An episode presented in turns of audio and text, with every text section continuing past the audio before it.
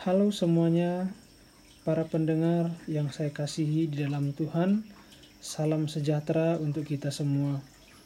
Saat ini kita sedang berada di dalam seri mengenal Allah yang saya ambil dari Mazmur 150 ayat 1 sampai 2 dan saya memberikan judul Tuhan layak dipuji.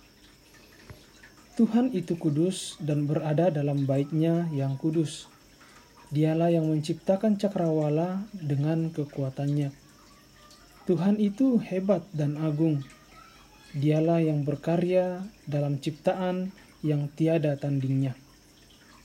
Tuhan yang kudus dan agung itu pun dalam pribadi Yesus Kristus datang kepada manusia yang berdosa dalam dunia ini, memberikan contoh hidup benar bahkan disiksa, mati, disalibkan, dan bangkit pada hari yang ketiga untuk membebaskan kita dari upah dosa yaitu hukuman atau siksaan kekal dalam neraka.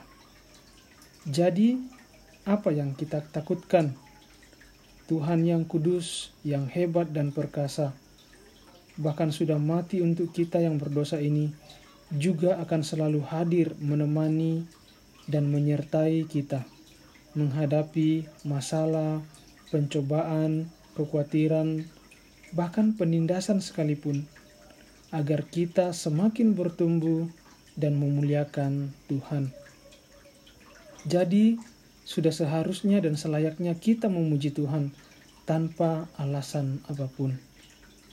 Mari serahkan dan percayakan hidupmu kepada Tuhan di dalam Yesus Kristus, dan pujilah, agungkanlah Tuhan dalam hidupmu. Amin. Tuhan Yesus memberkati.